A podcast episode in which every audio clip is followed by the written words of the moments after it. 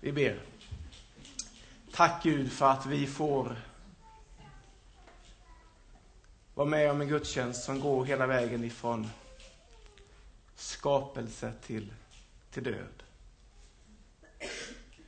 Tack Herre att vi får förstå att du är med oss hela vägen igenom.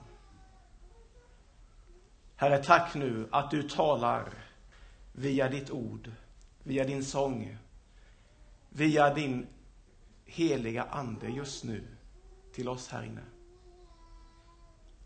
Låt så ske, Herre. Låt det vi gör i den här gudstjänsten få peka på dig och mötet med dig. Kom, Herre.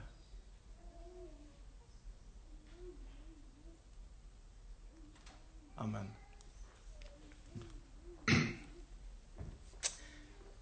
Jag ska läsa ifrån Markus evangelium, det sextonde kapitlet, den nionde versen och några verser där.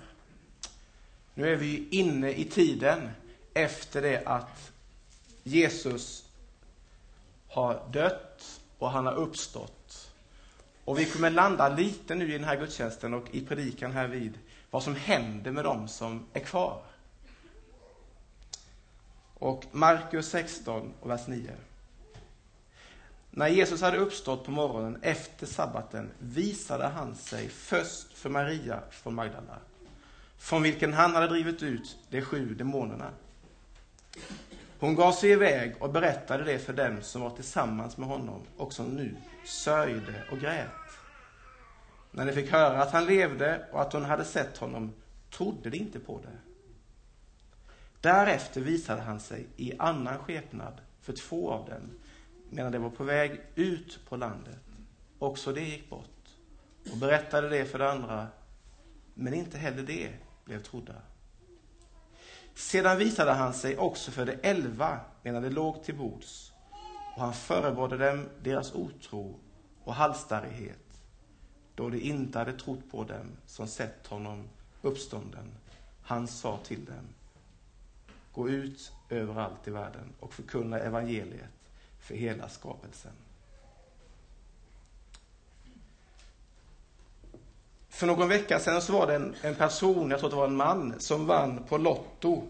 Han vann över 200 miljoner. Och enligt vad tidningarna säger, det här är då fakta, så när han fick veta att han vunnit de här 200 miljonerna drygt, så la han sig ner, alltså han svimmade. Är jag rätt ute? Är det någon som har läst här innan? Inte? Det är så ja. Han, han la sig ner och svimmade. Han trodde inte på det. Han har alltså vunnit 200 miljoner. Det är ju otroligt mycket pengar. Det är ju extremt, alltså bara ta det till sig. Det är ju omöjligt. Och han trodde inte på det. Det Jesus gör här, det är att han visar sig för några personer. Han visade sig för Maria från Magdala. Han hade en relation till henne, han hade drivit ut de sju demonerna från henne.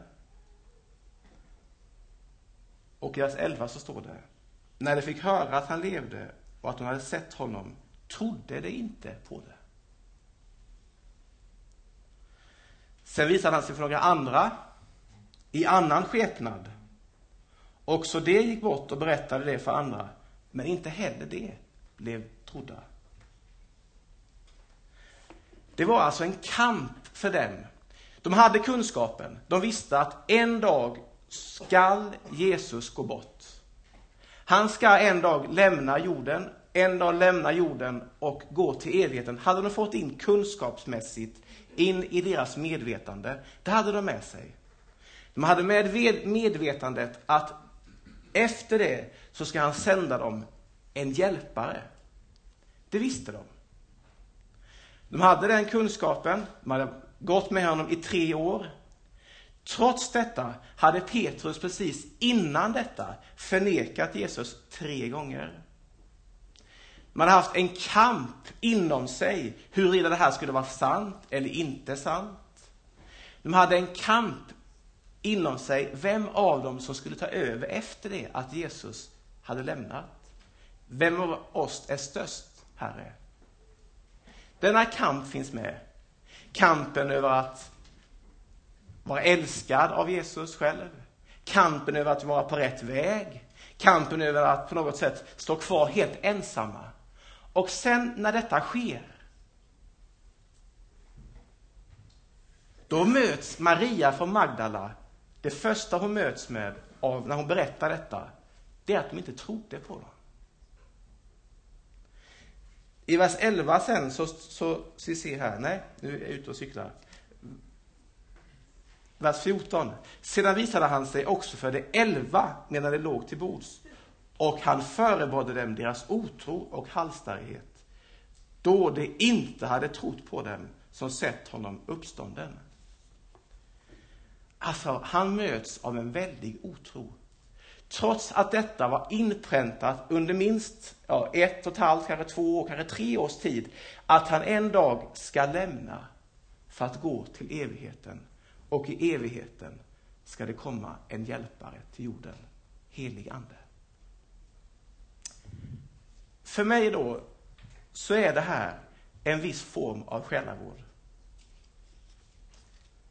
Det är en form av, av själavård till mig i mitt tvivel.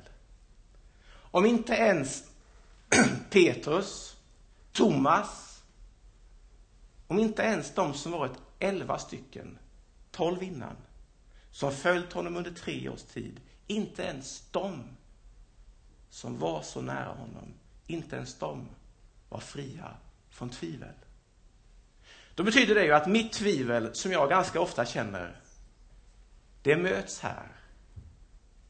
Och jag känner, det är okej okay att vara kristen och tvivla. Ja, det är det. Men han slutar inte där. Han slutar inte i tvivlet och bara säger, så här är det, nu är det upp till er att tro på detta och gör som ni vill. Nej. Han bekräftar att han har uppståndit. Han har gjort detta. Han ska sända en hjälpare. Och efter det sen så utmanar han dem ännu mer konkret och säger, gå nu ut över hela världen och förkunna evangeliet. Alltså han stannar inte bara i tvivlet, utan han bekräftar dem, han ser dem, han äter till bords med dem. Ser deras kamp att överhuvudtaget kunna tro på detta, att vara helt utslängda, helt ensamma. Och möter dem i en själavårdande måltid. Och efter det, gå ut över hela jorden och förkunna evangeliet. Och döp i Faderns, Sonens och den helige Andens namn. Han stannar inte där.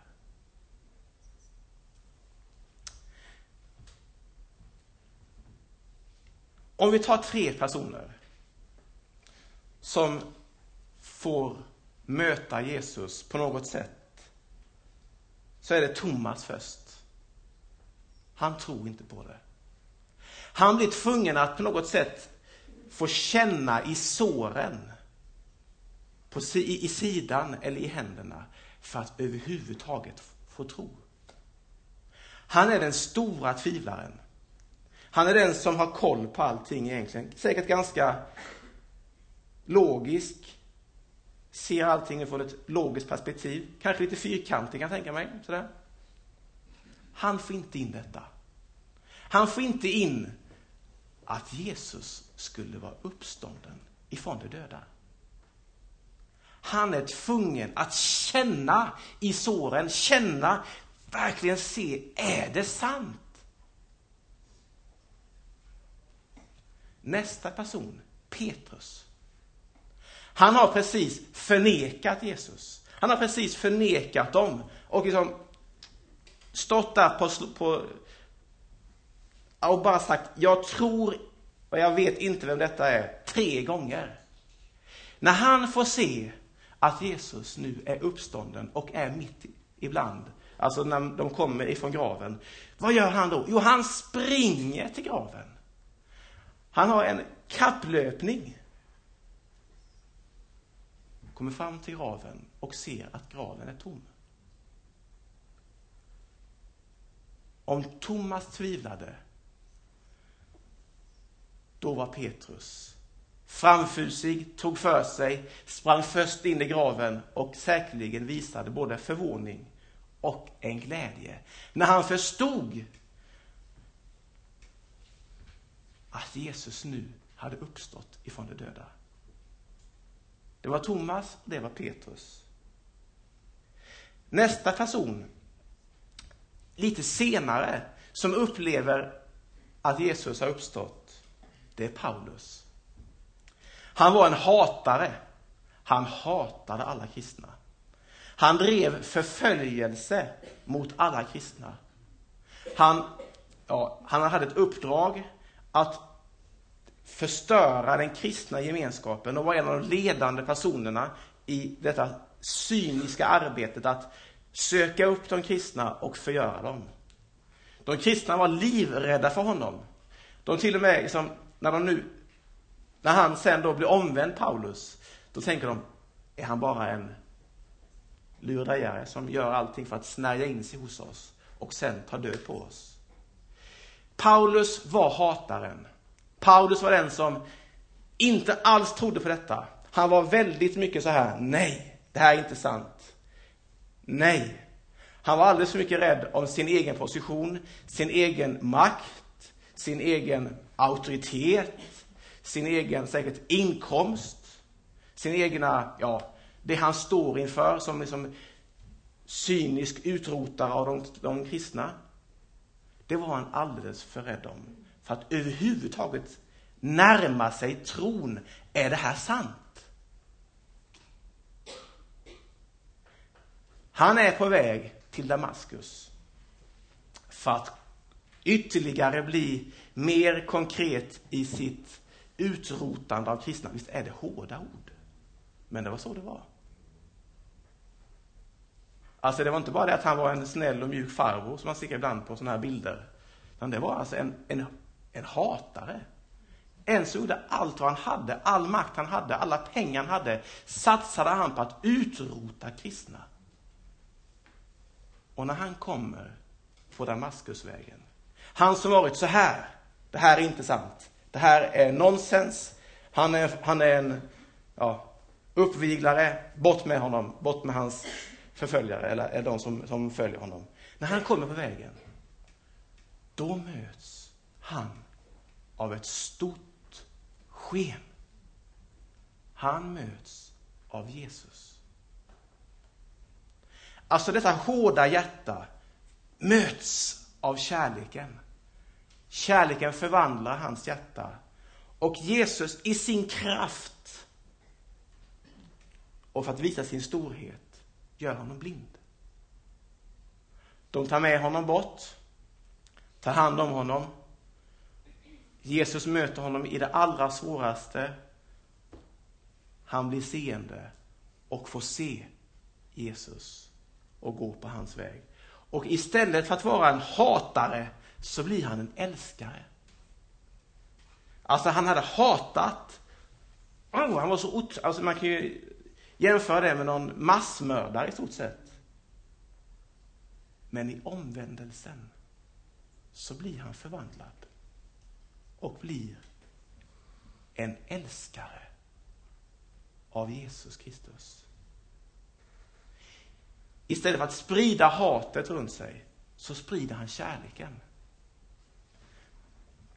Thomas tvivel. Petrus framfusighet, glädje. Och Paulus, han blev förvandlad. Var befinner vi oss idag? När jag läser detta, var befinner du dig? När jag berättar detta, var är du någonstans? Jag själv kan ibland landa i tvivelfåran. Sådär en måndagmorgon, det är surt väder ute. Då landar jag ibland i tvivelfåran. Vad är det här för framtid? Har jag utbildat mig i fyra år, har 160 000 i studielån och så är jag med om någonting jag inte ens tror på. Ja, jag har haft sådana tankar.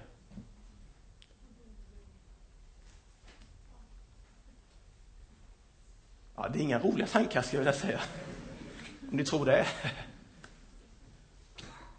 Men jag blir utmanad av Jesus när han möter sina tvivlande lärjungar i en måltid. Sitter med dem. Han bejakar inte bara tvivlet, utan han finns där. Och efter det sen så utmanar han konkret och tydligt. Så i mitt tvivel så kan jag känna ibland, nu finns jag här. Då kommer Guds ande och lyfter upp mig ur tvivlets grund och utmanar mig att fortsätta att gå på livets väg, på kärlekens väg. Det, det är väldigt sällan jag har haft en upplevelse som Paulus. Vid ett tillfälle har jag haft det, det har jag sagt vid något tidigare tillfälle. Jag säger det igen. Jag hade en sån här upplevelse på Bjärka Säby. Jag skulle ut som eh, ny, ja, det var sista året på pastorsutbildningen. Och då är alla sådär framfusiga, man köper rundkrav, eh, skjortor. Jag hade inte köpt någon ännu.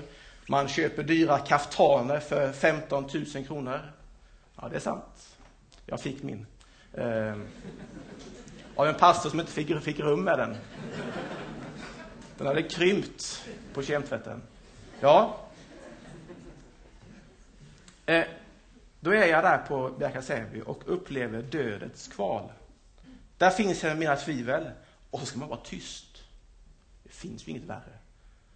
Att vara tyst och inte få prata och prata med de andra som är i samma situation som mig. De pratar ändå bara om rundkragar och kaftaner. De är, så att fär, de är färdiga med det här tvivlet. Jag är inte riktigt färdig med mitt tvivel. Och så finns jag där i, i min ensamhet, långt bort ifrån alla andra. De andra bodde i det här fina stora slottet.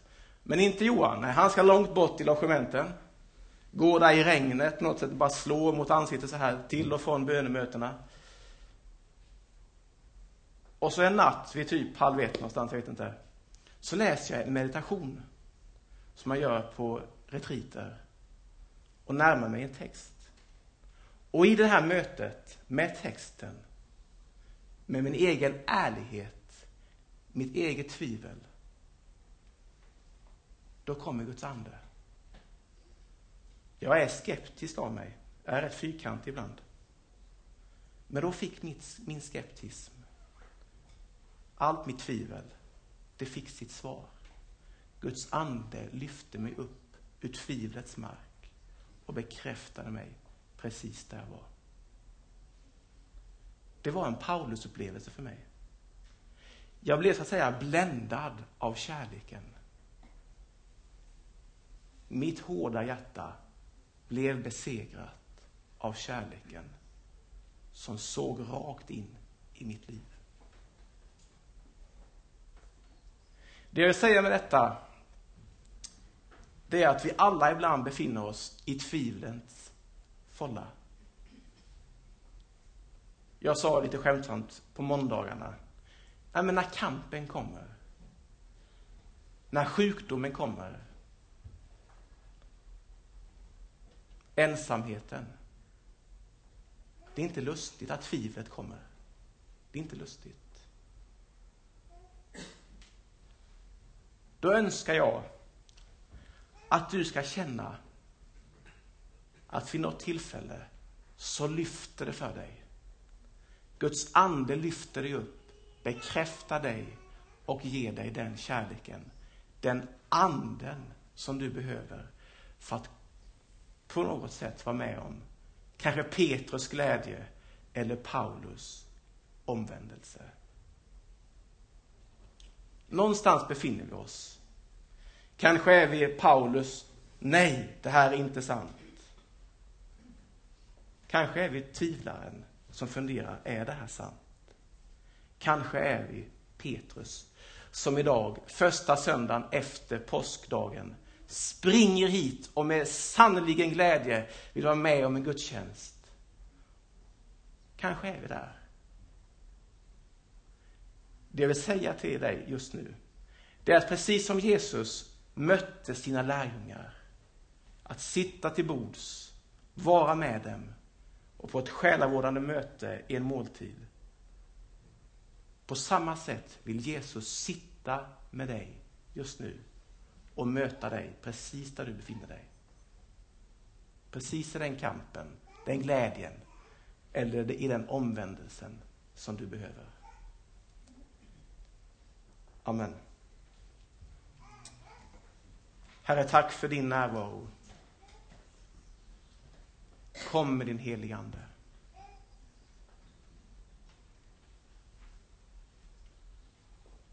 Du ser var och en av oss. Jag ber dig, låt din Ande komma. Du ser tvivlaren bland oss. Du ser Petrus bland oss. Och du ser dem av oss som är i behov av en riktig omvändelse i våra hjärtan. Jag ber dig, sitt till bords med oss. Möt oss, Herre, och fortsätt att utmana oss, Herre, till att gå på din väg. Amen.